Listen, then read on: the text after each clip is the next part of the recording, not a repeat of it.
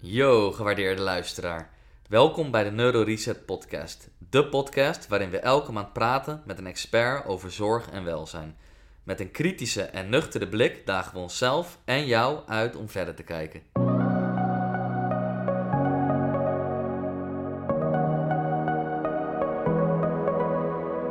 Welkom bij de 16e podcast van NeuroReset Fysiotherapie. In deze podcast hebben we met Dogan Tekin over powerliften en trainen. Dogan is een oud topjudoka, nu al jaren personal trainer en strength and conditioning coach en is eigenaar van Perfect Performance. Hij is ervaringsdeskundige op het gebied van topsportbegeleiding en heeft een science-based en no-nonsense aanpak. Dat waar wij van houden. Uh, we wensen je heel veel luisterplezier en like ook nog even onze Instagram pagina via neureset laagstreepje Fysio.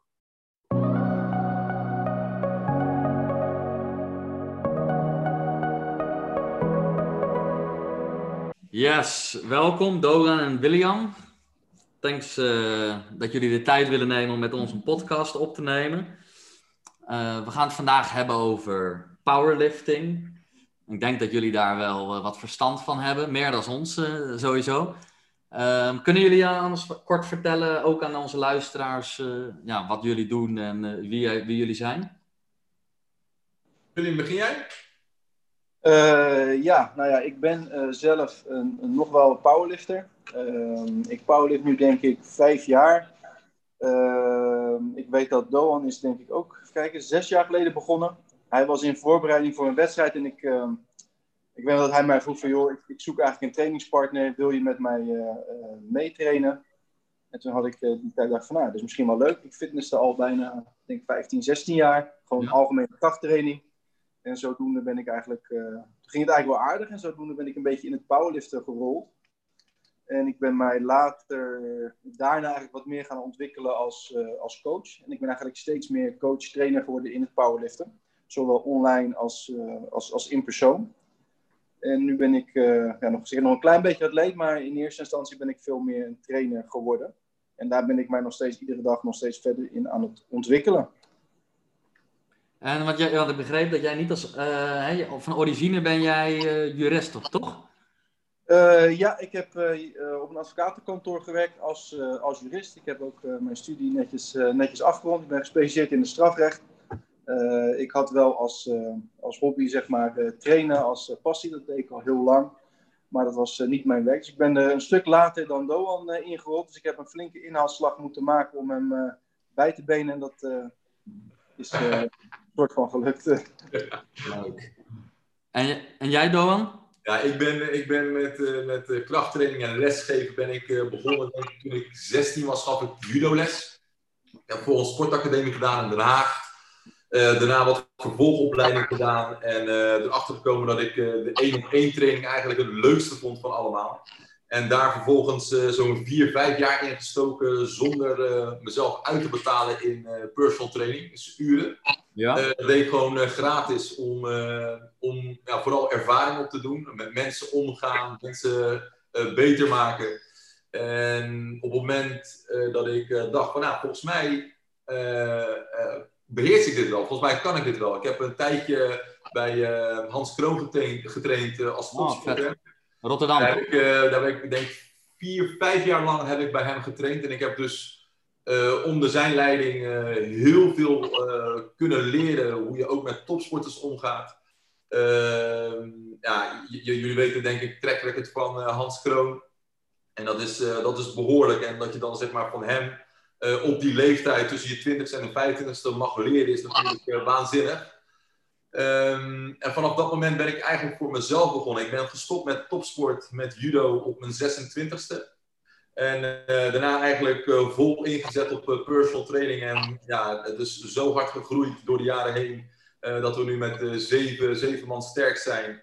En ehm, ja, daar gewoon ja, volledig uh, mee bezig kunnen zijn, is heerlijk. Daarnaast zijn we natuurlijk een opleidingsinstituut gestart, zo'n zes jaar geleden samen met Guy Droog, om uh, uh, de professionals ja, beter te laten werken op de werkvloer. hoe ga je mensen beter coachen om een betere positie te krijgen? Hoe zorg je ervoor dat je, dat je het maximale eruit haalt in zo'n uurtje dat je met iemand bezig bent? En dan hebben we het niet over programmeren, maar vooral hoe leer je iemand gewoon goed bewegen? Ja. wat laat je toe, wat laat je niet toe? dat is iets waar we ons ook al zes jaar mee bezighouden en nog steeds afgelopen jaren veel cursisten mogen hebben, veel cursisten mogen helpen hiermee. Ehm, en voor mij is powerlift eigenlijk begonnen als ja, grap. Uh, Guy Droog had een keertje online geplaatst tussen de trainers. Uh, van joh, lijkt het jullie leuk om een keertje een powerliftwedstrijd te draaien? Hier bij mij in de gym in Rotterdam. Dat, was, dat was een leuk idee. Dus toen dacht ik, nou weet je wat, ik heb lang geen wedstrijden meer gedraaid, gedraaid en ik ben best wel competitief. laat ik dat eens even doen. toen zat ik net op de locatie waar ik nu zit, in Schiedam, op mijn eigen locatie. En ehm, ben ik zes weken gaan trainen. En toen heb ik op zich best wel relaxe nummers gezet op uh, 85, 86 kilo. Nee, volgens mij 85. Nee, nee, helemaal niet 85. Ik was 79 kilo toen. Want toen was ik uh, in verbouwing hier. Ik was dus dag en nacht was ik aan het werk. Ik was en training aan het geven en aan het verbouwen. Waardoor ik slecht at en veel verbruikte. Dus ik was 79 à 80 kilo. En ja, toen hebben we een wedstrijd gedaan, heb ik redelijk wat nummers gezet. En dacht, kijk, dit is eigenlijk best wel leuk. En ik kan dit in mijn eigen tijd indelen. Ik kan competitief zijn, ik ben nog jong genoeg. Laten we er gewoon voor gaan. En toen ben ik ja, het jaar erop eigenlijk, binnen een jaar, ben ik Nederlands kampioen geworden met powerliften tot 93 kilo. Ja. En toen woog ik rond de 90 kilo. En het jaar daarna ben ik weer Nederlands kampioen geworden. En uh, heb ik wat EK's, WK's gedraaid. En uh, daarna is het eigenlijk, uh, was het voor mij wel klaar. Ik kreeg een zoon, ik kreeg andere prioriteiten. fysiek was ik op. en ik had eigenlijk geen behoefte meer om competitief zelf bezig te zijn. Omdat ik gewoon te druk had met andere dingen. Dus ben ik eigenlijk ook vooral bezig gehouden met, met coachen. En uh, ja, dat is een beetje hoe het er nu voor staat. Ik ben nu nog steeds geen atleet. Ik kan mezelf geen atleet noemen. Ik ben wel aan het trainen, maar het is, het is niet noemenswaardig zoals jaren geleden. Ehm, wat we wel doen is mensen trainen, mensen beter maken, atleten verder helpen. Of nou topsporters zijn of powerlifters, dat maakt dan in deze niet uit. Dat hebben we allemaal. Dus dat is waar ik me mee bezig hou. Cool. En hoe kwam het dan dat je fysiek op was? Wat, ja, zo, uh, dat, is, dat is heel simpel. Uh, ik deed gewoon veel te veel. We wisten toen niet zoveel van programmeren als dat we dat nu weten.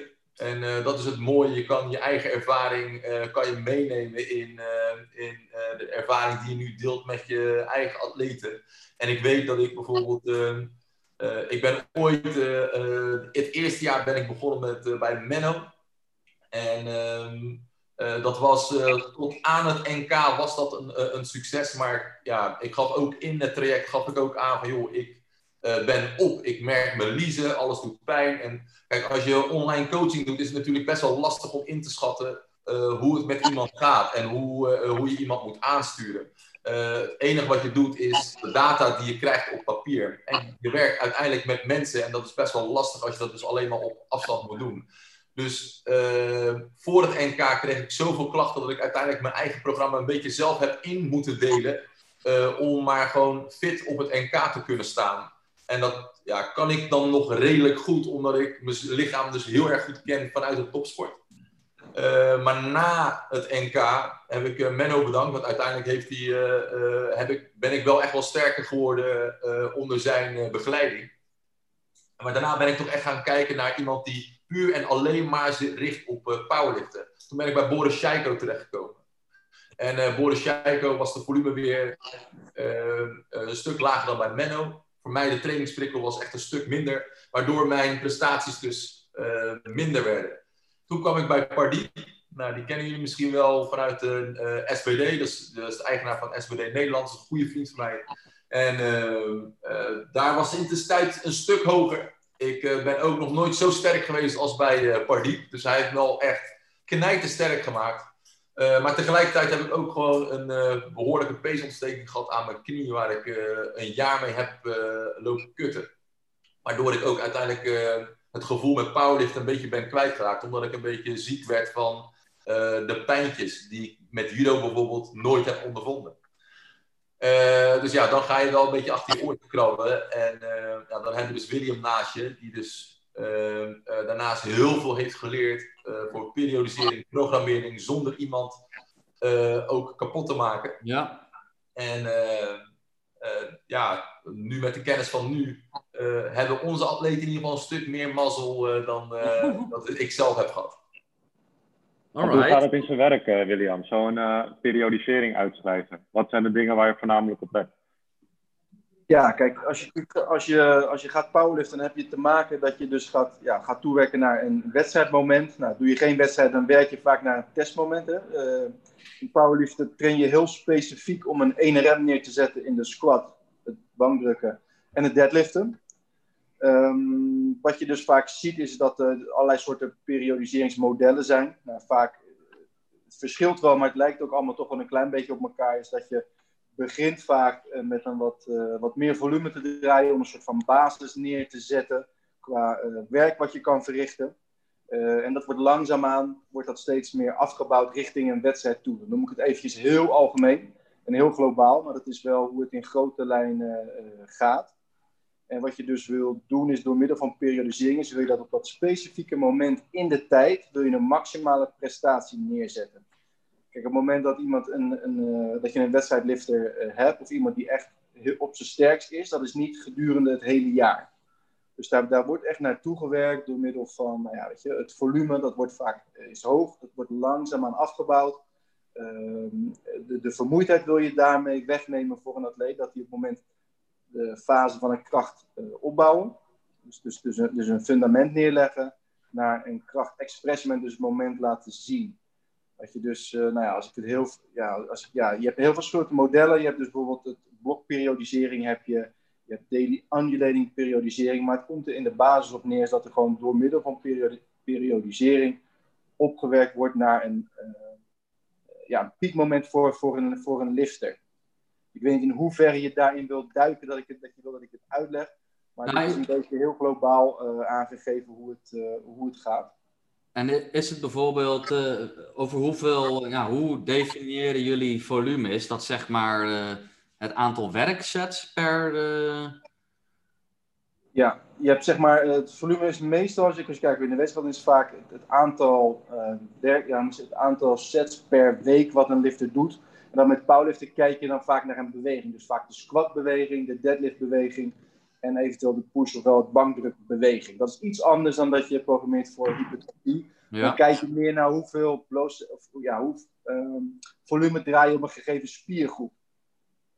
Dus dat is een klein beetje een verschil. Je, je traint in powerlift ook veel meer specifiek voor de bewegingen en niet zozeer voor de spiergroepen. Je traint wel voor de spiergroepen, maar het is toch net weer net wat anders.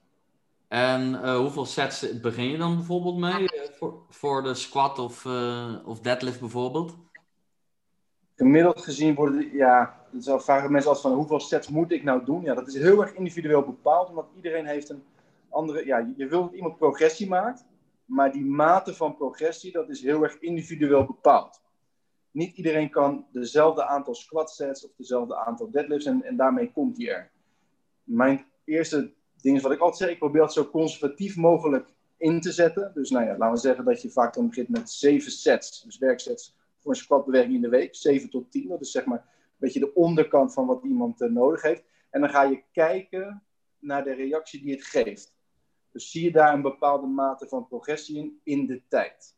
Dat hoeft niet altijd van week tot week te zijn, of van training tot training, maar dan gaat, daar gaat het wat langer overheen. Dus dat is een beetje hoe het in het begin gaat. Ik, ja, ik zeg meestal 7 tot 10 uh, eh, sets per week. En dat kan je dan uitbreiden naar misschien wel 20 sets voor, uh, voor een bepaalde. Voor een bepaalde... Verdeeld over één of twee trainingen? Sorry? Oh. En is dat dan verdeeld over één of twee trainingen? Of uh, verschilt ook. Gemiddeld wordt er getraind, ja, toch vaak minimaal wel drie en maximaal vijf tot zes keer. Dan heb je het over de trainingsfrequentie. Dus hoeveel keer train je in een week? Dus, dus, en daarin komt bijvoorbeeld. Okay, en wordt dan bijvoorbeeld. Hoe, hoe vaak komt de squat ja. bijvoorbeeld daarin voor dan? Uh, gemiddeld genomen zeg ik altijd van nou, vaak uh, bench je wat meer. Dus dat is vaak vier tot vijf keer in de week.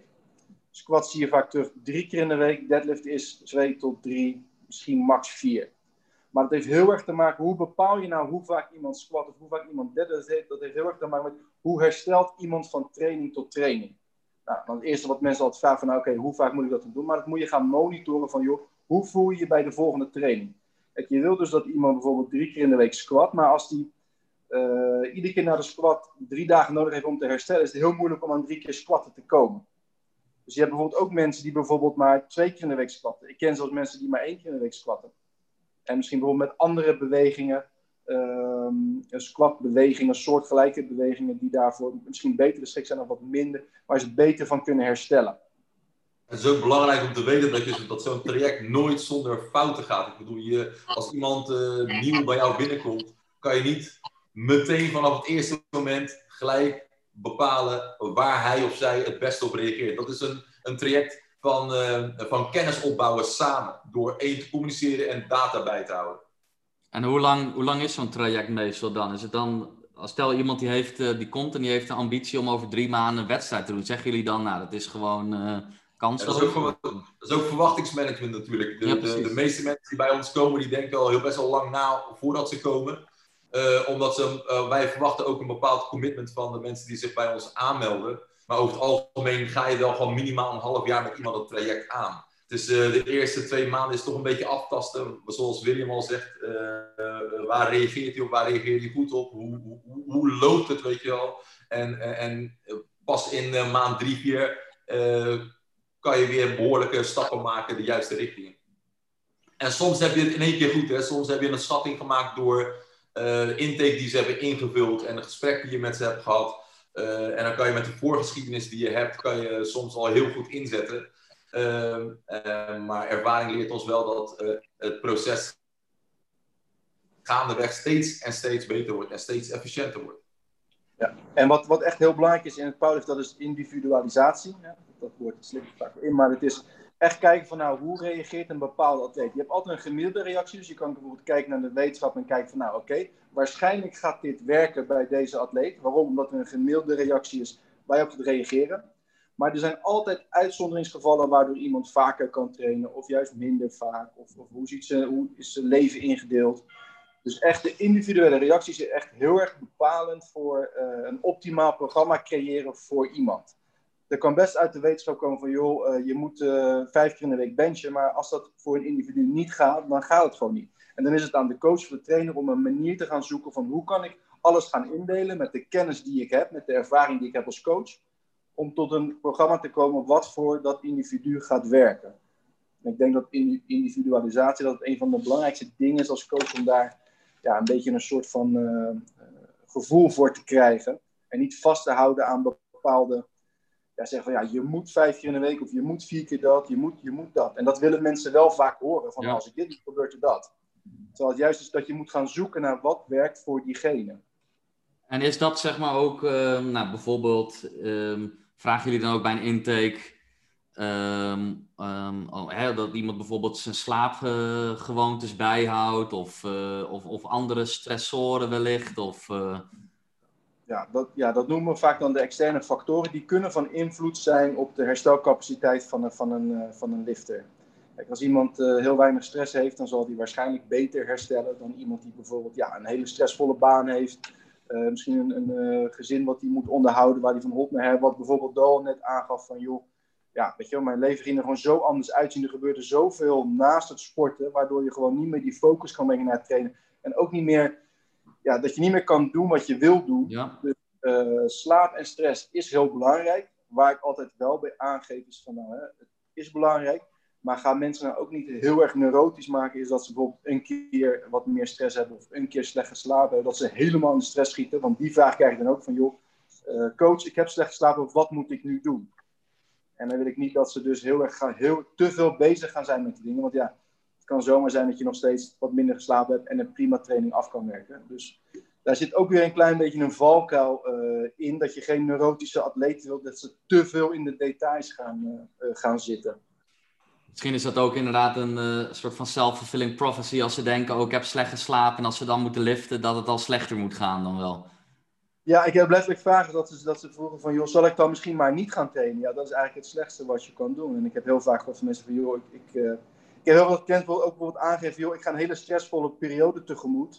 Wat, wat moet ik gaan doen? Ik zei, nou, laten we eerst maar even kijken wat voor invloed het heeft, of het überhaupt een effect heeft. En dan gaan we gaandeweg gaan we dan dingen aanpassen als dat nodig is. Maar ik hou er zelf niet zo van om bij voorbaat ervan uit te gaan dat er iets gaat gebeuren. Je ziet heel snel dat uh, een, een mooi voorbeeldje, de slaap bijhouden, de slaap-app. Als je dan een keertje bijvoorbeeld uh, 45% hebt door, uh, door wat dan ook. Ja. Dat je dan gelijk staat van, oh, ik heb 45%, oh, wordt zo'n kutdag, ik ben zo moe. Weet je, dat, dat, dat effect wil je wel weg hebben. Dat als ze een keertje zo'n dag hebben, dat ze, dat, dat ze dan ook gewoon durven te staan en durven te presteren. En dat ze dat los van elkaar kunnen zien. Ja, duidelijk. En zijn er dan ook, bijvoorbeeld als je een programma begint met op te stellen voor iemand, bepaalde genetische uh, uh, factoren die meewegen in hoeveel uh, volume iemand aan kan? dat is een mooie vraag. Die heeft Willy vorige week ook gekregen tijdens onze uh, Clubhouse uh, room. Oh, nice. en ja, ik denk dat het handiger is dat hij dat zegt, anders stel zijn antwoord. Wil ik erop. Ja, dan graag nou, voor de duidelijkheid, wat bedoel je met genetische nou, ik, nou, factoren? Nou, dat kan bijvoorbeeld zijn misschien, of ik weet niet of er een, een enorm verschil zit tussen, tussen man en vrouw, of tussen verschillende afkomsten die iemand heeft, of als je vermoedt dat iemand misschien meer uh, uh, snellere spiervezels heeft. Hè? Ja. Meer slow twitches bijvoorbeeld. Maakt dat verschil? Of, Ja, kijk, om dat, ja, om dat te gaan, gaan onderzoeken of iemand dat daadwerkelijk heeft, laat ik vooropstellen dat meestal de verdeling tussen fast, twitch, short is, is redelijk. Uh, ja, weet je, dus, daar zit niet heel veel verschil in bij, bij, ehm, uh, bij mensen waar je het wel aan kan zien, is mensen die bijvoorbeeld nou, dan wat meer fast twitch dominant zijn.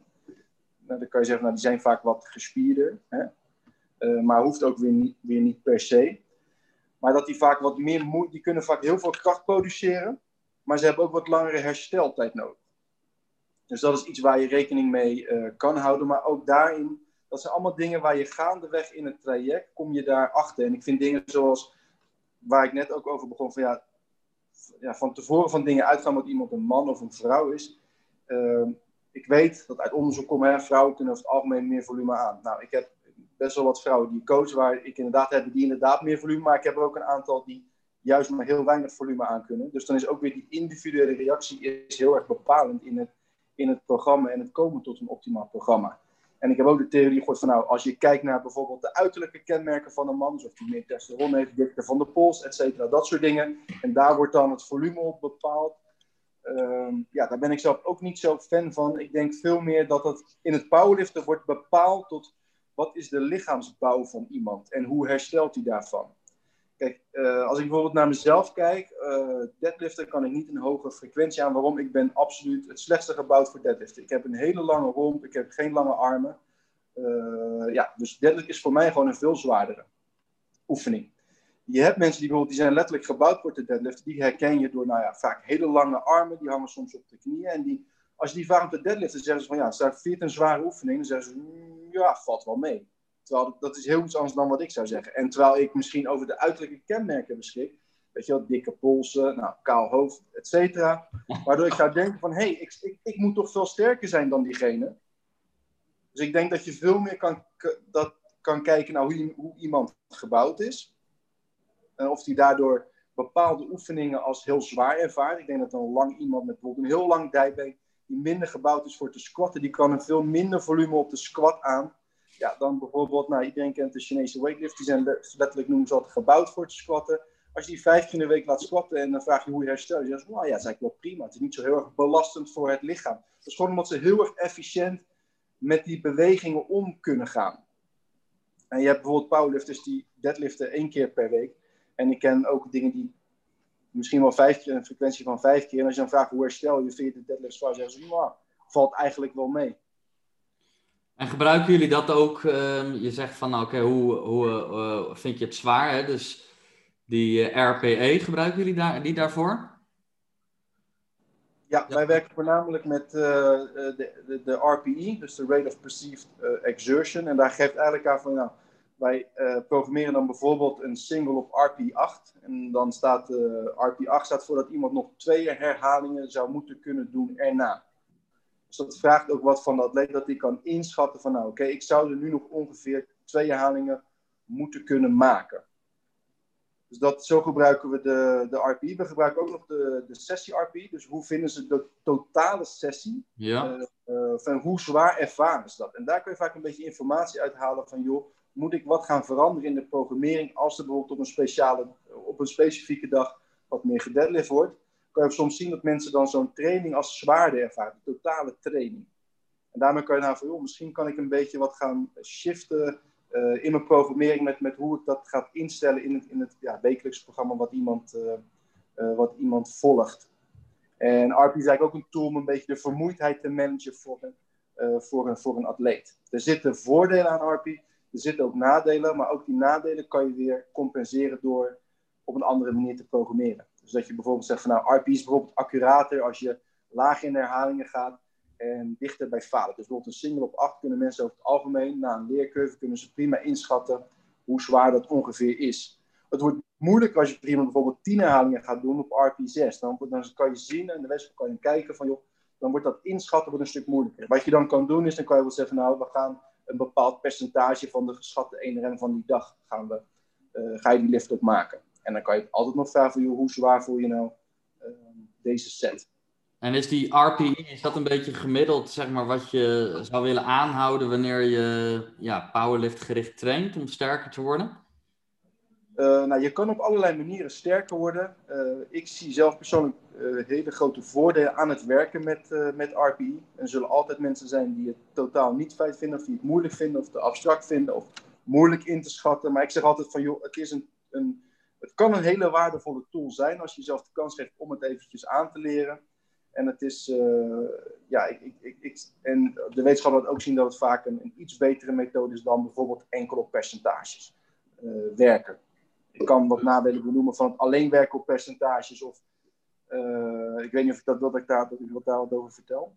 Ja, ja zeg wel. Ik ben benieuwd. Nou, kijk, ik zeg altijd, kijk, RP is eigenlijk een manier van autoregulatie en dat je dingen een beetje aanpast naar de vorm van de dag. Nou, ik denk, we trainen hier allemaal, we weten allemaal dat niet iedere dag hetzelfde is. De ene dag ben je fitter dan de andere dag, de ene dag ben je sterker dan de andere dag. Soms ben je helemaal gefocust, soms niet. RP is eigenlijk een manier om te autoreguleren hoe voel je je die dag en om dan te kijken van wat zit er die dag in. Dus bijvoorbeeld, ja, nou, laten we de, de single op 8, dat is iets wat iedereen wel een klein beetje kent. Dat kan bijvoorbeeld de ene week kan je 180 kilo squatten. En de week daarna kan het ineens bijvoorbeeld maar 160 kilo zijn. Als ik niet mensen zou aanleren hoe te werken met RPE, dan zouden ze werken op een bepaald percentage. En dan moeten ze bijvoorbeeld werken met een percentage van hun wedstrijd 1RM, wat bijvoorbeeld dan 200 eh, kilo is. Maar dan moeten ze dus bijvoorbeeld de week daarna moeten ze weer 180 kilo squatten. Maar dat kan ineens veel zwaarder aanvoelen dan wat er die dag in zit. En dan wil je dus dat ze normaal nog twee halingen kunnen en ineens is dat dan een 1RM. Nou, als we dan bijvoorbeeld kijken naar de wetenschap, dan weet je dat bijvoorbeeld trainen tot falen om sterker te worden niet per se nodig is. Om sterker te worden. Klinkt, dat klinkt een beetje en is het, uh, raar. Is het dus ook ja? zo dat, uh, oké, je hebt zeg maar hypothetisch, je hebt een 1RM van 200 kilo squat. Um, en je zou inderdaad zeggen, oké, we zetten het uh, qua percentage vast. Je doet twee weken lang uh, doe je 180 kilo. Maar de ene keer voelt die zwaarder. Is het dan, en, en, het kost je ook meer energie. Is het dan ook op dat moment uh, meer belasting op je zenuwstelsel? Ja.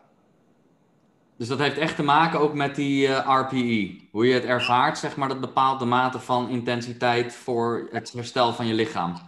Ja, je hebt zeg maar de, de externe load, dus dat is het gewicht op de, op de bar. En dan heb je de interne load, en dat wordt vaak dan uitgedrukt in, nou, in, in, in hoe zwaar iets voelt voor jou. Kijk, het is dus zo, als je, kijk, als je wil dat iemand dus drie, vier, vijf keer in de week traint, dan wil je ook dat hij herstelt van training tot training. Nou, wat ik net zei, van, nou, is het nou nodig om tot falen te trainen om sterker te worden? Nee, maar je wil ook dat iemand, als hij op maandag uh, moet squatten, dat hij op dinsdag kan deadliften bijvoorbeeld. Vaak als je dus merkt van, nou, dat iemand, uh, ik was dat cliënten zeggen van, ja, uh, shit, ik heb de RP verkeerd ingeschat, het was ineens een RP 10. Nou, wat je dan vaak ziet is dat ze dan de training van dinsdag, daar zie je het ook minder gaan. Omdat er dus ineens, die vermoeidheid is minder goed gemanaged, doordat ze een keer ja, tot vader zijn gaan trainen. Het risico op blessures gaat misschien wat omhoog, als je dus steeds maar tot falen aan het trainen bent, dus steeds maar de, nou, met de YOLO-beurten van, nou, ik ga iedere keer maar kijken waar de, waar de max zit. Uh, ja, het is, ja, dus ik zou zeggen van is het meer belastend voor je zenuwstelsel? Ehm, ja, en dan is het, het compromitteert je herstelcapaciteit van training tot training. En het werkt ook twee kanten op. Hè? Nu hebben we het alleen maar over het feit dat, zeg maar, dat je uh, overbelast kan raken of dat je uh, onnodig soms te zwaar gaat trainen. Maar het werkt ook de andere kant op. Dus op het moment dat je zeg maar, een hele goede dag hebt, en wat ook gewoon net zo vaak kan gebeuren als een slechte dag, kan je daar ook weer van profiteren. En dat kan ook weer één, een goede trainingsprikkel geven, omdat je op de geschatte percentages werkt van die dag. Maar het kan ook motiverend zijn om dus meer te kunnen pakken in zo'n training dan je van tevoren had ingesteld. Dus het werkt ook twee kanten op. Het is dus niet alleen maar uh, rekening houden met fatigue management, maar het is ook gewoon handig om dus steeds ietsje sterker te worden, omdat je dus autoreguleert hebt. Ja, dus dat is ook een onderdeel van, van de progressie. Dat je gewoon echt altijd weet dat je precies op de juiste intensiteit traint. Ja, en hoe lekker is het als je bijvoorbeeld bent begonnen in een traject waarbij je bijvoorbeeld 180 voor een 3 gemaakt en dat doe je op het RP8 en vervolgens in datzelfde traject aan het einde uh, pak je bijvoorbeeld een 200 at, op een drietje voor een achtje. Dan weet je ook dat je dus in die cyclus dus behoorlijk wat kracht is toegenomen. En dan, ja, dan zit je ook wel heel lekker in je traject. Dus je ervaart ook op die manier ook wat vaker succesmomentjes. We hebben een hele leuke discussie gehad met een hele ervaren trainer, uh, powerlifter, uh, powerlift trainer, die uh, echt heel veel wereldkampioen heeft voortgebracht. Dat is Dietmar uit, uit Noorwegen, een Duitse vent die in Noorwegen training geeft. En die man die werkt dus alleen maar op percentage. En daar hebben we tijdens onze powerlift in La Manga anderhalf jaar geleden een hele leuke discussie gehad over de zin en de onzin van RPE. Nou, hij werkte niet graag mee, omdat hij zelf de touwtjes graag in handen heeft. En hij zegt, joh, ik wil dat mijn atleten gewoon een veilige uh, 5% pakken per jaar. Tussen de 3 en de 5% pakken. En dat vind ik goed en dat doe ik al jaren en dat, doe, dat doe ik al jaren goed. Uh, terwijl ja, wij, wij, hebben zoiets van ja, als een atleet dus 6% of 7% kan pakken, moet het ook gewoon kunnen. Ja, Omdat het dan echt heel erg individualiseert. Ja, en ook nog een, een eh, heel belangrijk punt is van, kijk, als je natuurlijk een programma voor iemand maakt, wil je natuurlijk ook wel weten of iemand sterker aan het worden is. Kijk, iemand kan natuurlijk wel zeggen, nou, ik, ik squat, begin met 180 kilo, de week daarna doe ik 182,5, die week daarna doe ik 185. Nou, in veel gevallen de meeste mensen zeggen dan, oh ja, dan ben je inderdaad sterk geworden. Maar ook dat is iets wat je, als je de RP niet bijhoudt, weet je ook niet zeker of iemand wel daadwerkelijk sterker geworden is in die weken. Die week is hij gewoon veel dichter bij falen gaan trainen. Dus in die zin is het ook een tool voor de coach om te kijken van, nou oké, is, is het programma wat ik heb gemaakt, hoe reageert deze atleet of lifter daarop? Dus je maakt dingen ook wat meer meetbaar. Kijk, als de RPI meestijgt met het gewicht wat iemand doet, dan, ja, dan, dan is het niet per definitie zo dat hij sterker is geworden. Hij gooit meer effort in de lift. De afstand tot falen is dichterbij gekomen. En misschien kon hij dat in de eerste week ook wel ten opzichte van week 4. Dus je maakt dingen ook beter meetbaar. En dat is wel allemaal de stelling dat iemand goed kan inschatten wat de RPI natuurlijk is. Hoe vaak doen jullie in een periodisering een 1RM-meting om te kijken uh, hoe de resultaten nou daadwerkelijk zijn? Nooit. Nooit? Nooit. Nooit? Wij trainen, als we singles maken, trainen we altijd single at 8. En in, naar een wedstrijd toe willen we nog wel eens een single at 9 pakken. Uh, of op, op 9 pakken. Maar een 1RM-test, dat, dat, dat uh, laten we over uh, op de wedstrijdmomenten. Want dan, dat zijn de momenten dat je een 1RM echt test. En uh, zeg maar tijdens, ook een, okay, tijdens een wedstrijd ga je dus echt maxi, maximaal vanuit je tenen haal je het. Mm -hmm. um, is het dan ook op dat moment zeg maar de techniek onder, ondergeschikt? Hmm.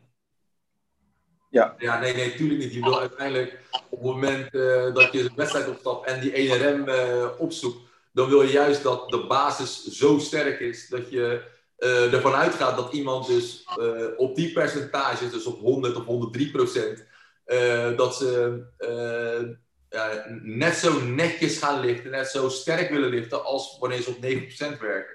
En natuurlijk zal de snelheid er, eraf gaan en natuurlijk zal het lang niet zo netjes uitzien als wanneer je 7 plus op 7% traint. Alleen je wilde wel voor zorgen dat, en daarom maken we bijvoorbeeld ook uh, heel veel singles uh, at 8 of at 9, dat ze gewend zijn om die skill onder de knie te krijgen. Omdat dat niet zo heel ver van een wedstrijd 1RM af zit. Oké, duidelijk. En, en, en ik vroeg me af, is, doen jullie ook mobiliteitswerk tijdens een training? Of is dat... mag, ik nog, mag ik nog één ding uitleggen met betrekking tot die 1RM-test? Dat, waarom we... Ja, kijk, waarom we dat zeg maar niet toepassen. Kijk, in het powerlift is, ben je heel specifiek aan het trainen. Wat je net bijvoorbeeld aangaf vanaf, weet je op een wedstrijd kan je bijvoorbeeld net even wat meer eruit hebben. Dus hoe specifiek is bijvoorbeeld een 1RM-test? Want als je hem zou doen, wanneer ga je hem dan doen?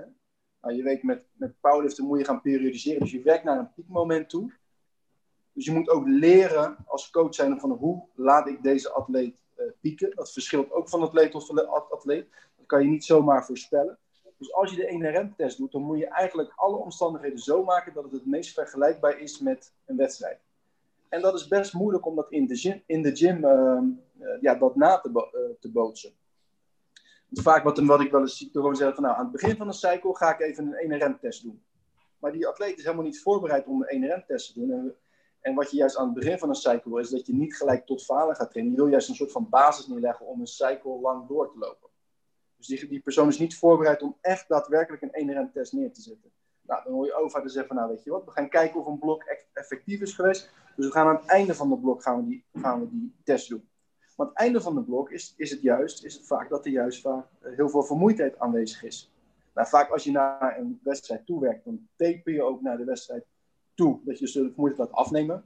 En stel bijvoorbeeld dat je een uh, volumeblok hebt gedraaid, er heel veel volume is gedraaid, dan is die lichter ook niet voorbereid om een 1RM-test te doen. Dus het gaat er heel erg om van hoe specifiek uh, in de tijd is het is dat, je dat, dat je daadwerkelijk die 1RM kan gaan testen voor die lifter. En dat is best wel moeilijk als je zomaar een 1RM-test gaat doen op een bepaald moment. Dat is wel ik even wel dat dat duidelijk is waarom we dan niet voor kiezen om zomaar die 1RM-test. Omdat het gewoon, ja, is de lifter bijvoorbeeld ook op zijn wedstrijdgewicht? Dat zijn allemaal dingen die allemaal meespelen. Uh, hoe, die ambiance van een wedstrijd is niet. De scheidsrechters zijn er niet. Ja. Dat zijn allemaal dingen die, waar, ervoor zorgen van hoe specifiek is de, is de meting op dat moment. En je, je, je, merkt ook dat atleten er wel gevoelig voor zijn, omdat ze willen weten waar ze staan. Hè? Uh, Dus uh, dan, dan, willen ze vaak wel een 1RM-test doen. Maar uiteindelijk is het aan de coach om te bepalen, uh, om, om uit te leggen uh, wat de zin en de onzin is van zo'n 1RM-test. Ook midden in een cycle zoals William dat aangeeft. Um, toen wij net begonnen met coachen, ehm, uh, zijn we daar eigenlijk direct uh, mee uh, van afgestapt, wat 1RM testen. Omdat je met andere testen en singles en eet prima, prima kunt aangeven of prima kunt laten zien hoe een atleet ervoor staat. Dus je hoeft niet zo'n risico te nemen om dan echt die 1RM op te gaan zoeken. En want werken jullie ook met deload weken? Of is dat iets, iets wat, wat, wat, wat niet meer gebruikt wordt? Ja, we werken uh, zeker met deloaden. Nou, je kent de meeste mensen kennen de deloads als een soort van reactieve deload. Dus als het moment dat de atleet uh, dat een soort van bepaalde prestatievermindering, er is uh, wat vermoeidheid is aanwezig. De atleet geeft aan van nou, er zijn wat, weet je wel, er zijn wat, hè, de, de, pijntjes worden wat erger. Je merkt dat de motivatie een beetje minder wordt als een blok wat langer duurt. Hè. Dan kan je zeggen van nou, we gaan een, een deload programmeren. Ja, dat kan dus reactief. Uh, vaak als je, heb je met een wedstrijdatleet te maken, dan doe je het, um, tenminste ik nooit reactief, maar dan uh, wat meer uh, proactief. Omdat je wil, dus dat je wat ik zeg, je wil toewerken naar een piekmoment. Als je dan alleen maar reactief gaat doen, stel bijvoorbeeld dat die atleet kan een cycle heel lang doorlopen, een cycle waar je niet zo specifiek aan het trainen bent, dan kan het zijn dat er ineens dat er drie weken voor de wedstrijd ineens heel veel vermoeidheid aanwezig is. En dat, dat, dat de performance, noemen we dat, een soort van drop naar beneden heeft. En dan, dan zit je, er, waar loop je dan tegenaan? Loop tegenaan van hoe ga ik nu die atleet klaarmaken binnen drie weken voor dat piekmoment? Want dat heeft ook weer de tijd nodig. En dan heb je weer een basis neergezet, uiteindelijk wat ik in het begin vertelde. Dus dan ga je wat meer proactief deloaden. Dus dan hou je de vermoeidheid wat meer eh, onder controle door een uh, vooraf geplande deloads. En een deload is weer wat anders dan een taper. En een taper, dat is voor de wedstrijd. En dan zorg je ervoor dat, je dat erna een maximale prestatie geleverd kan worden. Dus daar zit ook weer een verschil tussen. En is een deload, moet je daar ook zeg maar weer daarna weer bij, ja, van inkomen? Ja, dat kan. Dat, ligt, ja, dat, dat is vaak wel het geval. Dat er is een bepaalde mate van, van ja, in het Engels noemen ze dat detraining. Ik weet niet wat, wat, hoe je dat in het Nederlands zou noemen. Maar je moet weer even wennen aan de nieuwe stimulus. Dus vaak wat je dan na een deload doet, is dat je een, een introweek uh, programmeert. Waar de lifter weer gaat wennen aan een nieuwe stimulus die op hem toe wordt, uh, toe wordt gepast. Stel bijvoorbeeld, je gaat van een hypertrofieblok waar heel veel volume werd gedraaid, gaat hij naar een krachtblok waar hij weer gaat oefenen om, om, om ja, maximale kracht te kunnen, laten, te kunnen ontwikkelen. Dan laat je hem alvast een beetje wennen aan een nieuwe stimulus. Door, nou, hoe doe je dat? Door het volume rustig op te bouwen, wat lager te houden aan de eerste week, of misschien wel twee weken. Je doet hele conservatieve singles programmeren. Dus in plaats van een single op 8 begin je met een single op 6. En dan wil je eigenlijk voor zorgen dat dat leed zeg maar, voorbereid wordt op de komende cycle. Dat de spierschade uh, minimaal is en dat hij niet gelijk uh, ja, dus maximaal moet presteren, maar dat je een, een, fundament neerlegt. Alright, duidelijk. En, want we hadden het net natuurlijk al gehad over nou ja, waar zeg maar qua sets je een beetje aan denkt als je zo'n uh, cycle begint. Maar ja, hoe, hoe deel je zeg maar de, ja, uh, de herhalingen in, hè, het herhalingsaantal van een uh, set? Zit, wat, wat, wat gebruiken jullie daarvoor om dat zeg maar te bepalen? Wil, wil jij die pakken dan? Nee, pak je maar. Ik vind als jij periodiseren, specialisme, programmeren, vind ik dat onze ja, programmeerbaas dat gewoon doet. Um, dat lijkt me het handigst. Ja, kijk, wat, wat, ja, nou ja, um, wat bedoel je met, met herhaling reeksen, zeg maar? Is dat nou, jullie, nou, jullie zeiden bijvoorbeeld net van, oké, als je een single doet op acht, hè, uh, dus één herhaling of ja. drietje of vijf herhalingen, tot hoe ver gaan jullie? En hoe bepaal je, zeg maar, wat binnen een training of binnen een bepaalde periode van die cycle, welke herhalingen, zeg maar, uh, op dat moment belangrijk zijn? Nou, daar komen we eigenlijk een beetje van nou. Hè? Je wilt dus constant uh, een zo specifiek mogelijke meting van de progressie hebben. Nou, voor een powerlifter is dat altijd zo dat hij dus een meting, uh, ja, wat belangrijk is, is waar het om gaat. In, uh, in de, meeste tijd, de meeste tijd die je hebt met een lifter, is het dus dat hij beter wordt in singles. Dus dan zal de herhalingreeks zal vaak bestaan uit misschien 1 tot 3, misschien max 4 herhalingen. waar de single is de meest specifieke meting, dus het is een single op RP 7, 8. En dan zou ik zeggen dat dat, ja, maar het kan ook een 3 op 9, uh, RP 9 of misschien 4 op 9 zijn. Het hangt er een beetje af in welke fase die zit. Ga je naar een wedstrijd toe, dan, zal, dan zullen de herhalingen vaak lager zijn. En de intensiteit dus hoger. Dan zit je vaak in de 80% plus van de 1RM ben je aan het werk. Uh, wat je natuurlijk ook hebt, is dat er een bepaald uh, volume gehaald moet worden voor, voor een lifter. Nou, er is een relatie tussen natuurlijk volume en hypertrofie. Er is een, ook een relatie tussen volume en kracht. Die is wel wat minder duidelijk dan, uh, dan, voor kracht, dan voor kracht. Dus voor hypertrofie is het belangrijker dan voor kracht. Maar je wil vaak wel een lifter een bepaald volume haalt. Nou, wat ga je dan daarvoor doen? Dan ga je de intensiteit vaak naar beneden schalen. En wat je dan gaat doen is, dus dan ga je ergens richting, nou, laten we zeggen, tussen de 70 en 80 procent. En dan ga je de herhalingreeks wat, um, wat omhoog brengen. Dus dan ga je vaak tussen de, nou, laten zeggen, tussen de 5 en de 10. En dat noemen we dan soms de hypertrofie set. Dat zijn een herhalingreeks die minder specifiek is voor een powerlifter, maar wel nodig zijn om een bepaald volume en spiergroei te kunnen bewerkstelligen. Want uiteindelijk moet hij dat ook kunnen ontwikkelen. Dus dan doe je een concessie in, de, in specifiek trainen om een andere adaptatie te kunnen bewerkstelligen. Oké, duidelijk. En is dat altijd ook met de lift zelf of, of zijn dat dan ook assistance oefeningen? Dus die de beweging, uh, nou, bijvoorbeeld met bankdrukken, dat je iemand ook een uh, dumbbell press laat doen of opdrukken of... Uh... Ja. ja, dat is in principe is dat natuurlijk wel leuk. Kijk, ook een, een, een powerlifter, die, die, nou, waar het dus om gaat is dat hij een 1 rem neer kan zetten in de, in de powerlift. Maar bijvoorbeeld, we weten ook dat er een relatie is tussen spiergroei, of hoe groot je spier is, en de het potentie om kracht te kunnen produceren. Dus dat de spier een bepaalde, eh, ja, des te groter de spier is, uh, des te meer potentie is er. Als je de, de, specifieke skill van een powerlifter traint. Dus voor een powerlifter kan er een bepaalde periode ver van de competitie vandaan zijn, dat hij het accent verlegt naar bijvoorbeeld hypertrofie. Nou, en dan kan bijvoorbeeld een dumbbell press is daarvoor meer geschikt dan bijvoorbeeld de competitiestijl benchpress. Uh, een competitiestijl benchpress is dus vaak dat je een, een, de, de rom wil verkorten, je wil hoog archen, de bar moet stil liggen. Maar uh, als je kijkt naar hypertrofie, zijn het allemaal dingen die misschien voor hypertrofie niet zo goed zijn. Dus dan ga je weer een soort van, ga je twee paden bewandelen.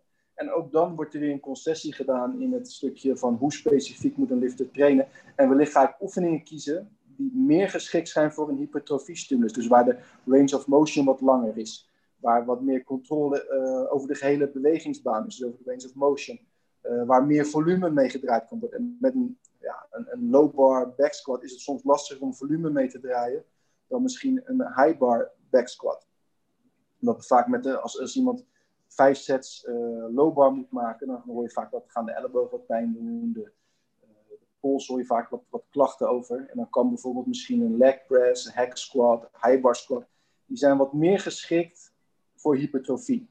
Een deadlift is bijvoorbeeld ook niet echt een oefening die um, heel erg geschikt is voor hypertrofie van bijvoorbeeld de hamstrings. Dan kan je zeggen van nou weet je wat, dan gaan we een stiff-legged deadlift programmeren voor um, waar je de, de, gehele beweging wat meer controleert, waar de range of motion wat groter is, waar je een excentrische component, dus het naar beneden, gaan, beneden gaan, de spier op lengte brengen, meer geschikt is voor een hypertrofiestimulus. Oké, duidelijk. En hebben jullie de eerste week ook altijd wat meer techniektrainingen? De eerste week? Nee, de eerste weken. Hebben jullie dan uh, wat meer techniektrainingen? Of uh, hoe oh, gaat het bij wat, jullie? Wat, wat, wat uh, sta je onder techniektrainingen? Nou, je hebt, um, ja, je hebt heel veel verschillende trainers natuurlijk. En volgens mij heb je ook nog best wel verschillende kijk op hoe bijvoorbeeld een deadlift of een lower back squat gedaan zou moeten worden. Um, gaan jullie de eerste weken met jullie atleten daarmee aan de slag? Oké, dit is de manier waarop wij de oefeningen uh, willen nou, het, enige, het enige verschil is wat, wat je met technieksessies ziet, is dat je naar een wedstrijd toe uh, daar veel minder uh, mee bezig bent, omdat dan eigenlijk het, het al gevormd zou moeten zijn. Dan wil je daar eigenlijk niet zoveel meer aan sleutelen. Maar wij ja, behandelen techniek eigenlijk van begin tot eind wel los van de wedstrijden het, hetzelfde. Um, wij proberen ook niet iedereen op dezelfde manier te laten deadliften op dezelfde manier te laten squatten. Um, je, we, laten toch de atleten eerst zelf bepalen van hey, hoe, hoe squat je nou lekker? Waar voel je nou comfortabel bij? Hoe voel je sterk? Waar voel je sterk in? En aan de hand daarvan gaan wij natuurlijk onze kijk erop uh, uh, loslaten. En dat ziet er toch voor iedereen echt, uh, echt anders uit. Ook daar, kijk, je hebt het over programmeren is individualisatie, maar ook het stukje techniek is individualiseren. En wat zouden bijvoorbeeld factoren kunnen zijn waardoor je een deadlift of een squat anders zou moeten uitvoeren? Uh, nou ja, dus uh, wat de atleet ook vindt, hoe de atleet het uh, aanvoelt tijdens de training. vindt, hij, vindt hij het lekker om sumo te doen? Vindt hij het lekker om... dat is eigenlijk best wel een goed voorbeeld. moet je nou sumo deadliften of moet je nou conventional deadliften? Hoe ga je dat nou bepalen? Uh, je kan aan de hand van uh, lichaamsbouw en verhoudingen kun je natuurlijk uh, als standaard zeggen: Oké, nou, jij moet gaan sumo deadliften, want je hebt hele lange armen, dat, doe jij dat maar. Maar uiteindelijk laten we de atleet eerst zelf bepalen. En stel je voor dat we twijfelen, dan laten we de twee lifts bijvoorbeeld naast elkaar maanden ehm, testen, proberen, kijken hoe hij zich ontwikkelt of zij zich ontwikkelt in de sumo. En hoe hij of zij zich ontwikkelt in de convention. Dat doen we dan naast elkaar. En dan komt er best wel snel naar voren waar hij of zij zich uh, uh, prettiger bij voelt en sterker in is. En in, in, in welke oefening uh, maakt hij of zij het meeste progressie. Duidelijk. En is het dan ook um, natuurlijk individueel welke assisterende oefeningen erbij komen?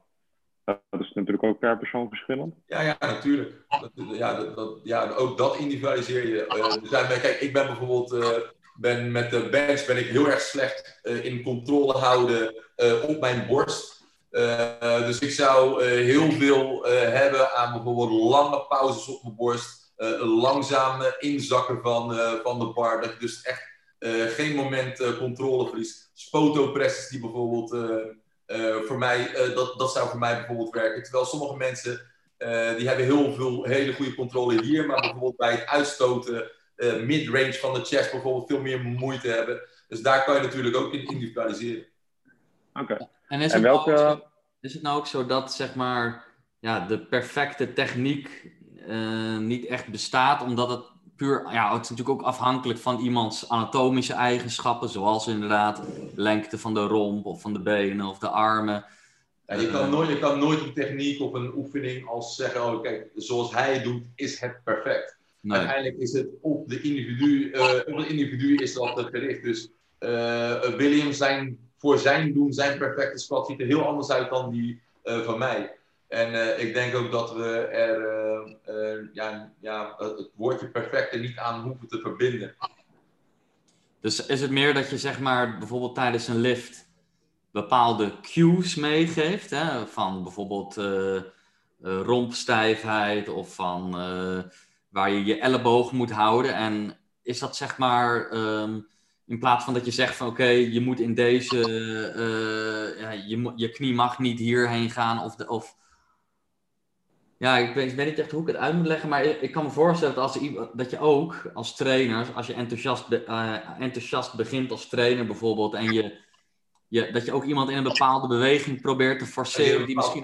doel uh, maar dat is inderdaad een gevaar. En dat is ook iets wat wij ook in het verleden hebben gedaan. Ik, uh, als je kijkt naar hoe wij bijvoorbeeld uh, in de opleiding in de Performance Academy de eerste jaren hebben lesgegeven is het uh, ook uh, met de kennis van nu, zouden bepaalde dingen nooit meer zeggen.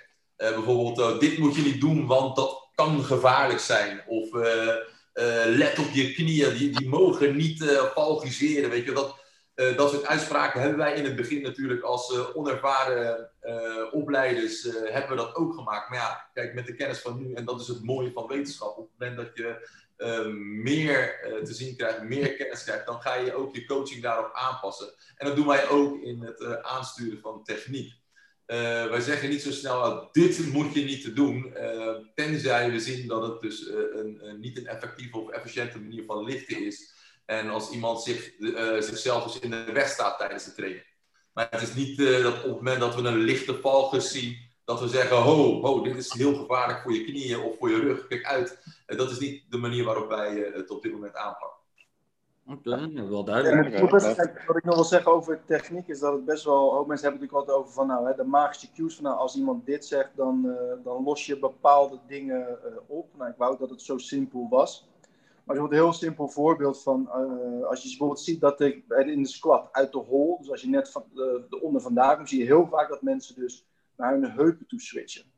Nou, dan kan je natuurlijk zeggen van nou hou die knie voorwaarts, maar vaak wat er dus, wat je, waar je als coach naar moet kijken, van, is het misschien wel dat de quadriceps of dat gedeelte, weet je, dus het dijbeen, gewoon niet sterk genoeg is op dat moment om dat te kunnen doen.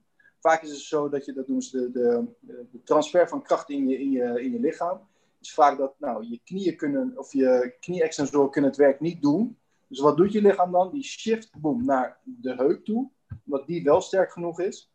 Dus soms kan je ook door middel van programmering kan je dan kijken nou weet je wat, we gaan nu een cycle gaan, maar dan gaan we proberen je quadriceps sterker te maken. Om misschien het probleem wat we misschien zien in je techniek is misschien niet zozeer nou, een techniekprobleem, maar misschien is het wel dat je quads niet doen op het juiste moment wat ze moeten doen. Ja, precies. Dus het onvermogen om, de, om met zwaar gewicht op de juiste manier uit te voeren. Juist, en daarom hebben wij het altijd heel vaak over, nou, uh, techniek is ook loodspecifiek. Dus op het moment dat, dat, dat, je, dat, dat je dichter bij je RM komt, verandert bij iedereen, verandert de techniek. Dus een, lift op 70% van de NRM is heel anders dan op 95% van de.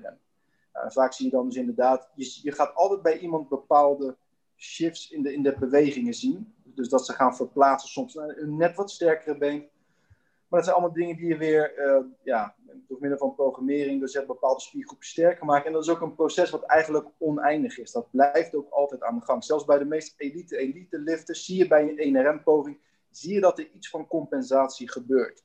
En het is aan de coach om te, om te bepalen wat heeft een lifter nodig. En daarin is bijvoorbeeld een periode waar wat meer op spiergroei wordt gewerkt, is belangrijk. Uh, naast bijvoorbeeld een, een, uh, dan alleen maar maximale kracht te werken.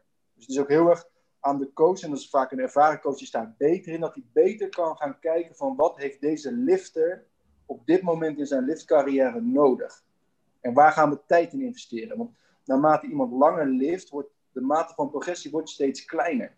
Op het allerhoogste niveau daar zijn ze soms aan het strijden voor 0,5 kilo erbij. Daar doen ze een heel jaar over.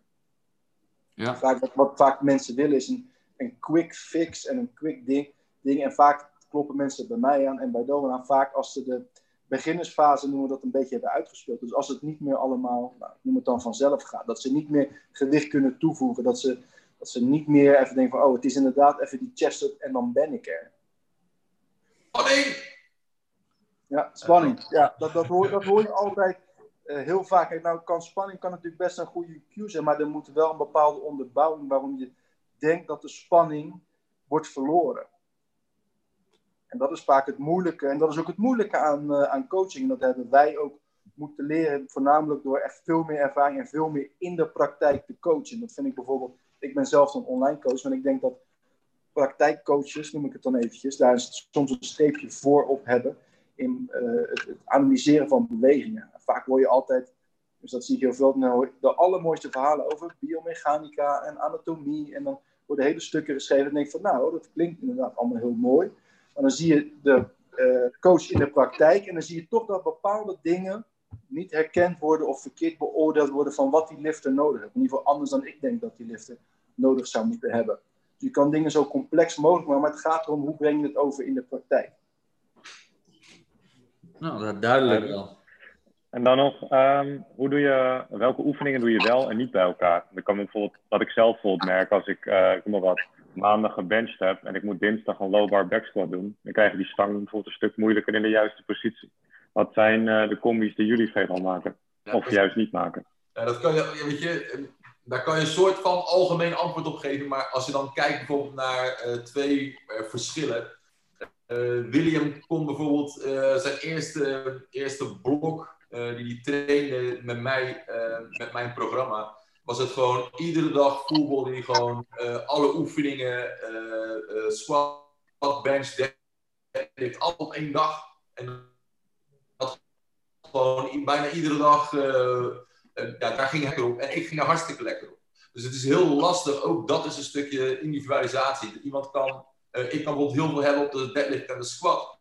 Uh, terwijl op de bench helemaal geen voeling kon hebben. Dus het is, is, het is best wel lastig om, dat zo, om daar eenduidig antwoord op te geven. En maar daarbij is dus het verhaal RPE, fatigue management, is natuurlijk wel belangrijk. Dus op het moment dat je ziet dat je een paar, twee oefeningen aan elkaar hebt gekoppeld waar uh, veel atleten geen problemen mee hebben ervaren, kun je bijvoorbeeld zien dat bepaalde atleten dat wel hebben en dan pas je dat weer aan.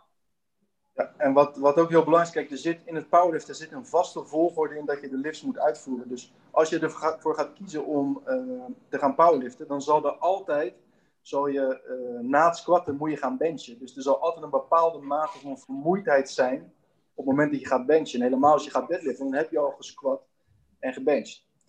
Dus daar moet jouw lichaam wel aan wennen dat gezegd hebben, kan het soms zo zijn, wat jij wilt aangeven van, nou ja, als ik bijvoorbeeld ges, uh, gesquat heb, of ik heb gebeend, dan kom ik gewoon niet meer in positie. Nou, powerliften maakt dat niet uit, omdat je vaak eerst squat. Wat je wel heel vaak ziet bij powerlifters, is dat ze dus gesquat hebben, en dat ze daarna, hebben ze wat meer last van hun, van hun, uh, van de ellebogen, polsen. Gewoon door de positie van de low bar. De een heeft daar meer last van dan de ander. Wat je dan dus als coach moet gaan doen, oké, okay, wacht, dan moet je een afweging gaan maken. Oké, okay, ik heb dus de specificiteit van de wedstrijd. En ik heb... Nee, ik ben ook met mijn telefoon ingelogd, want ik moet mijn uh, zoontje halen. Dus ik uh, kan in de podcast blijven, alleen nog via mijn telefoon.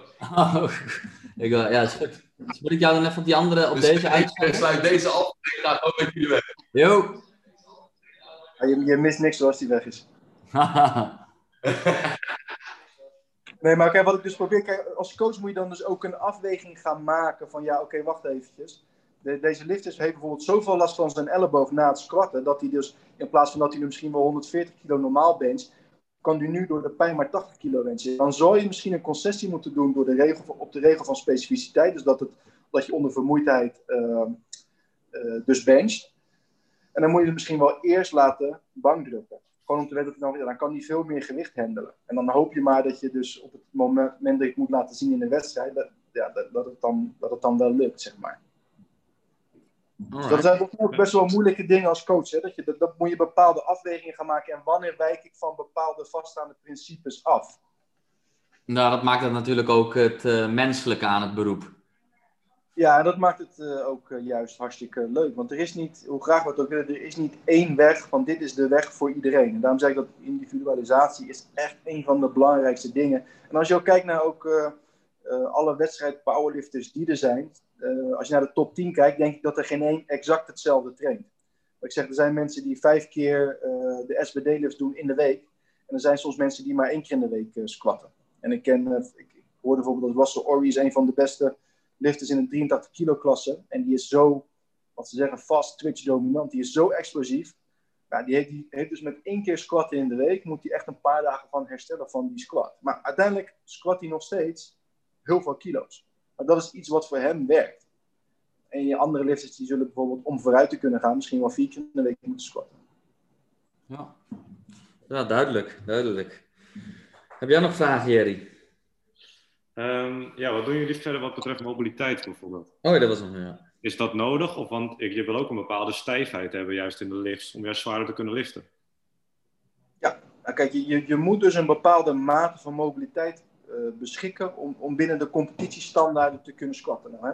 Je hebt dus voor de squat heb je een bepaalde enkelmobiliteit nodig en uh, uh, heupmobiliteit om überhaupt op diepte te kunnen squatten. Nou, wat, wat is nou het mooie aan krachttraining? Is dat het vaak een loaded stretch geeft. Dus vaak train je de mobiliteit in een specifieke setting.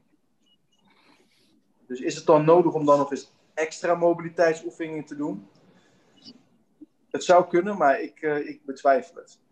Het gaat om dat je binnen de regels van het powerlift een bepaalde mobiliteit moet beschikken. Dus dan kijk naar powerlifters, die beschikken vaak over een nou, goede enkel- en uh, heupmobiliteit. Waarom? Dat vraagt hun sport. Maar als je bijvoorbeeld kijkt naar schoudermobiliteit, die is soms dan wat, nou, laten we zeggen, wat minder goed. Ook al, maar dat komt ook omdat schoudermobiliteit in relatie tot de testen die je moet doen, is een hele soepele schouder die alle kanten op kan gaan. Is misschien helemaal niet zo functioneel voor de sport die die beoefent. En als je bijvoorbeeld, uh, kijk, je kan een powerlift ook niet vergelijken met een dans. Die bijvoorbeeld heel vloeiend bewegen, soepel. Maar voor een powerlift is dat niet, niet functioneel. Die moet een bepaalde mate van interne stabiliteit. Die moet zijn lichaam heel goed vast kunnen zetten, dus rigide houden. Waarom? Omdat er allerlei krachten op hem afkomen door de, ja, van de stang en met hele zware gewichten. Dus er moet een bepaalde mate van stijfheid moeten zijn. En er was altijd zo'n, nu hoor je het wat minder, maar vaak wordt ook gezegd van ja, stijfheid is niet goed. Oh, mijn rug voelt stijf, mijn schouder voelt stijf. Oh, ik ga eerst voordat ik ga trainen, ga ik alles even mobiliseren. Ik ga ruimte creëren, ik ga dingen activeren. Ja, en misschien is dat wel helemaal niet zo. Zelf ben ik daar niet zo'n voorstander van. Ja, en soms zijn er wel extra oefeningen nodig als het echt niet lukt.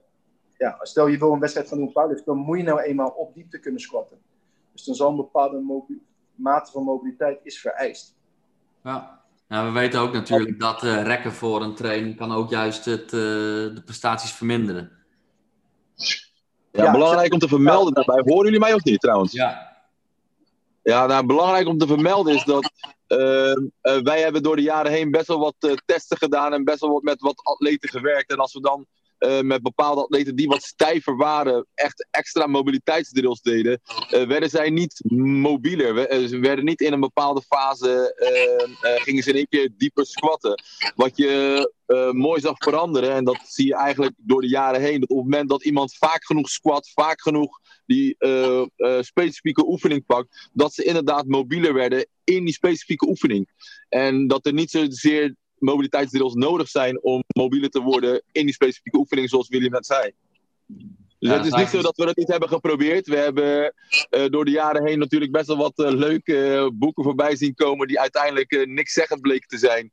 Van de Subtle Leopard volgens mij ja, uit de CrossFit-wereld. Leopard, ja. ja. Ja, weet je, dus het is... Het, het, en, en klaarblijkelijk is het dus niet dat, dat, dat het werkt, dat, dat het uh, nodig is. Dus uh, dat is wel extra om te benadrukken dat, het, uh, dat als je mobieler worden, wil worden in het squat, dat je gewoon lekker vaak moet squatten. Ja, er is natuurlijk niks functioneels dan dat. Precies. En nou, ik had nog wel een paar vragen. Ehm, hoe ziet zeg maar, de wedstrijddag zelf eruit van een powerlift? Ja, zeg maar de week uh, voor de wedstrijd. Dra draai je dan helemaal geen, uh, geen zware lifts meer? Of, uh... Ja, vaak is de, de, nou niet vaak, maar gewoon de laatste week voor de wedstrijd, dat noem je een taperweek. Dat is dus om de, ja, alle vermoeidheid die nog aanwezig zou zijn, wil je dan weg gaan halen. Dus dat op het moment op de wedstrijddag, dat je daar je maximale kracht die je hebt opgebouwd in de maanden ervoor kan laten zien. Vaak wordt er nog wel getraind in die laatste week, tot ongeveer drie tot vier dagen voor de wedstrijd. Nou, dan, uh, vaak drie tot vier dagen voor de wedstrijd wordt er helemaal niet meer getraind. Maar vaak vijf dagen of zes dagen voor de wedstrijd wordt er nog een, uh, is de intensiteit nog hoog. Wordt er opgewerkt naar een uh, zwaardere single om die specifieke skill nog steeds een beetje te onderhouden. En te kijken waar we staan, hè, dus op, op dat moment. Dan zeg ik wel bij, nou is er vaak vijf, zes dagen is nog wel vermoeidheid van de cycle ervoor. Maar het levert wel een, eh, een specifieke meting op. Vaak wordt een beetje de opener wordt, eh, getest. Dus er wordt opgewarmd naar het gewicht waar je op de wedstrijddag mee wil gaan openen. Dus dat is je eerste beurt. Dus dan werk je op naar een single op 7, wat ongeveer rond de 88% van je, 70, 8% van je 1RM zou moeten zijn. Dan wil je kijken hoe die gaat. Als coach beoordeel je hem. En dat neem je mee in je beslissing om te kijken, nou gaan we inderdaad de wedstrijd openen met dit bedrag. Of zullen we een ander plan moeten maken omdat het bijvoorbeeld veel zwaarder is en dat we het plan een beetje bijstellen. Nou, dan heb je vaak dat je daarna doe nog eens een keer al je opwarmers. Dus dat is vier dagen ervoor, drie, vier dagen ervoor. En daarna stop je met trainen en dan wil je dus dat je maximaal gaat herstellen. De, dan kom je op de wedstrijddag. Wat, je dus wel wat er dan gebeurt is dat je, wat het begint dat er een kledingcheck is. Dan wordt de kleding wordt nagelopen. De lifter moet worden ingewogen, dus die, die moet op gewicht zijn. Dus die gewichtklasse moet, uh, moet worden gehaald. Dat is twee uur voordat de officiële wedstrijd begint. De lifter heeft altijd anderhalf uur de tijd vanaf het moment van, van dat de weging begint om het gewicht te kunnen halen. Dus stel je gaat op de weegschaal staan en je bent te zwaar. Dan heb je nog tot uh, nou, heb je nog anderhalf uur de tijd om het gewicht te halen, tot een half uur voor de wedstrijd. Met opletten dat je wel op tijd bij de weging staat. Uh, tijdens, de, weging is het ook uh, belangrijk dat je je voorlopige openers aangeeft. Dus dan weet je van tevoren wat je ongeveer zou kunnen lichten als eerste beurt. Die mag je nog net voor de aanvang van de wedstrijd mag je die nog veranderen. Uh, maar je moet wel al een uh, schatting maken van wat je wil gaan tillen als eerste. Oké. Okay. Ja, en dan is vaak is het opwarmen. Dat is ook belangrijk dat je die goed tuint. Waarom? Omdat wat Doan aangeeft. Stel dat je het plan moet wijzigen. Stel dat het op die dag niet gaat zoals dat je misschien verwacht. Of misschien wel beter gaat. Dan kan je de openen. Kan je tot vijf minuten voordat uh, wordt er gezegd van een wedstrijd gaat beginnen. Vijf minuten. Kan je een kaartje inleveren dat je de opener wellicht wat verlaagt. Of misschien wel uh, verhogen. Dat zijn allemaal wat dingen die op de wedstrijddag wel heel belangrijk zijn. Je kunt ook uh, tactisch bepalen of je de openers uh, verhoogt, ja of nee. Want je ziet natuurlijk ook de tegenstanders en de scores die zij hebben ingevuld, of de gewichten die zij hebben ingevuld. En aan de hand daarvan, als je bijvoorbeeld weet dat je met iemand heel erg close zit, echt concurrerend bent, kun je, kun je natuurlijk tactisch ervoor kiezen om 2,5 kilo erboven te zitten, om de druk op de tegenstander te houden. Dus het zijn wel leuke die, de dingen die je tactisch kunt doen op de wedstrijddag zelf. Uh, maar daarbij moet ik wel zeggen, daar moet de atleet zich uh, ook prettig bij voelen. Dat kan je niet bij iedere atleet doen. Bij mensen die heel zenuwachtig zijn en eigenlijk van stabiliteit en rust houden, zou ik dit soort tactische aanpassingen nooit verrichten. Maar het is een mogelijkheid om het wel te doen. Dan wordt er nog een beetje met supplementen gespeeld, bijvoorbeeld ik wat, pre-workout of ja, dat soort dingen. Ja, ik adviseer mijn lifters altijd om een uh, goede dosis uh, cafeïne te nemen. Dat is vaak wat hoger dan mensen in eerste instantie denken. Dat is vaak tot wel 5 tot 6 milligram uh, cafeïne. Dat heeft een stukje te maken met dat, ja, dat je wilt dat, dat, dat mensen zich heel erg... dat wat meer energie vrijkomt, zeg maar. Dat kan je dus door middel van cafeïne kan je dat bewerkstelligen. Het verbetert ook de opname van wat koolhydraten. Ook nog iets. dus dat is zeg maar qua supplementen die je kan gebruiken. Voor de rest adviseer ik niet echt specifiek een supplement. Wat wel heel belangrijk is, de voeding die de atleet tot zich neemt. In de zin van, nou ja, uh, dat, hij, dat hij niet bijvoorbeeld zeggen, nou ik ga hele vette producten uh, uh, eten. Of dingen die hij niet gewend is. Omdat je natuurlijk wel wil dat je geen last van de maag hebt op het moment dat je moet gaan liften. En wat je ook vaak wil als iemand zijn gewicht heeft moeten halen, is dat er op een gegeven moment weer voedingsstoffen in het systeem moeten komen op het moment van de wedstrijd. Want je hebt natuurlijk de weging, twee uur. En daarna moet je vaak weer zorgen dat je dus zo zwaar als mogelijk bent op het moment dat de wedstrijd begint. En daar heb je ook allemaal uh, strategische dingen voor. Vaak zeg ik, voor mijn lifters adviseer ik altijd, drink wat, uh, wat koolhydraten, creatine kan je eventueel uh, nemen. en begin met het vocht weer aan te vullen, want dat is het allerbelangrijkste. Vocht en koolhydraten. En het eerste half uur na de weging, begin met vocht. Waarom? Omdat het zo snel, het meest snelle in je systeem weer zit. De maaglediging is wat sneller dan als je bijvoorbeeld vette product gaat eten. Vaak zie ik nog steeds de mensen altijd, zijn ze ingewogen en dan gaan de donuts, de pannenkoeken, dat soort dingen in het systeem. Terwijl dat, echt, dat duurt echt veel langer om weer in je bloed te krijgen. Nou, wil je het hebben om weer te kunnen presteren op, uh, tijdens de wedstrijd. En het gebeurt ook nog wel eens dat ze na, vlak voor de wedstrijd nog staan te kotsen, naar het toilet moeten. Of dingen die niet goed vallen. Of omdat ze ineens dingen gaan eten waarvan ze, wat ze nog nooit getest hebben of ze daar wel goed op reageren. Dat zie je ook heel vaak gebeuren. Tijdens de lift kotsen? Tijdens de lift kotsen zie je ook nog wel eens. eh, ik heb het zelf nog nooit gehad, wie weet ooit. Maar eh, ja, je, je, je gaat in ieder geval veilig. Dus dat is dan wel weer.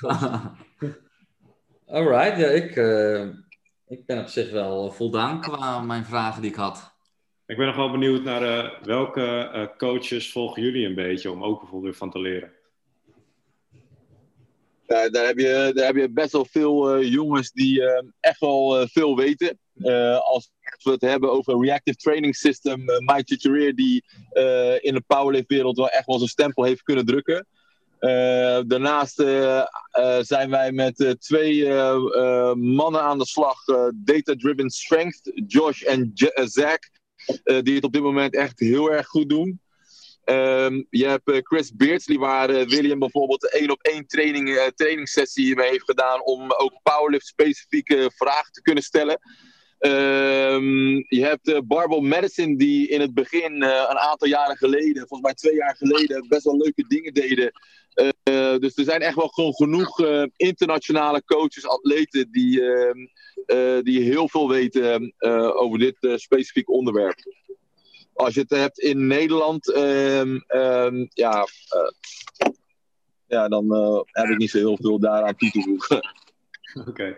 En als je dan bijvoorbeeld kijkt, bepaalde, hoeveel invloed heeft bijvoorbeeld een coach op de eh, prestaties van de atleet uiteindelijk? Eh, hebben sommige coaches bijvoorbeeld ook net mazzel dat ze gewoon echt een bizar goede eh, atleet hebben? Of kan je nog heel veel impact hebben als coach? Ja, ik denk dat je hebt natuurlijk atleten die gewoon, ja, zeg maar, die echt, eh, kijk, wat ze ook doen, die worden toch wel sterker. Die, ja, die zijn dus genetisch zo bevoordeeld ten opzichte van eh, eh, misschien wel anderen, ja. En je, dan moet je het soms wel heel knap maken als coach om dat te verpesten, alhoewel dat ook nog kan. Dus je bent ook een beetje afhankelijk van het materiaal wat je tot je beschikking hebt. En dan natuurlijk het materiaal is de atleet. Ik zie soms mensen met de meest slechte programma, dat ik echt denk van, nou, dat zou, ik zou echt het tegenovergestelde doen. Ja, en dan zie je toch dat zo'n atleet mega sterk is. Maar er is een verschil tussen heel erg sterk zijn, maar ook een goede lift en ook de sport begrijpen. Daar zit echt een heel groot verschil in. Ik zie bijvoorbeeld hele goede atleten die heel nou ja, sterk zijn. Maar ik zou ze echt niks willen vragen over programmeren of iemand anders sterker te maken. En het is, eh, ja, ik, als ik zelf bijvoorbeeld kijk naar coaches, dan kijk ik juist eerder naar van, nou, wat is het materiaal wat die coach zijn beschikking heeft? En heeft hij die persoon nou in de loop der tijd echt beter gemaakt? Zijn ze beter gaan bewegen? Zit er een goede gedachte achter de programmering? Hoe legt die coach dat bijvoorbeeld uit? Ge- ge- geeft hij ook zijn eigen beperking aan waar hij bijvoorbeeld misschien wel minder goed in is? Ik geloof altijd in dat ook de coaches hebben altijd een unieke skillset. Dat de ene bijvoorbeeld een hele goede wedstrijdcoach is om, om coaches rustig te maken. Je hebt coaches die heel tactisch strategisch zijn, maar die bijvoorbeeld minder goed met mensen om kunnen gaan. Je hebt mensen die bijvoorbeeld heel goed zijn in het programmeren en minder in de persoonlijke benadering. En die, eh, dus iedere coach heeft een, een unieke skillset. En het is belangrijk om ook als coach of als team mensen om je heen te verzamelen die misschien dingen beter doen dan dat jij doet. Ik weet bijvoorbeeld bepaalde skills die ik heb en die bijvoorbeeld Doan weer prima kan opvullen en andersom. Dus ik wil ook echt iedereen adviseren om, eh, ja, ben je een powerlift team verzamel mensen om je heen die misschien dingen opheffen waar je zelf minder goed in bent. En daar kan je misschien ook wel weer van leren. Ik leer nog steeds dagelijks van coaches van, hey, die zegt op een gegeven moment of die doet iets of die zie ik op de werkvloer van, hey, dat is interessant.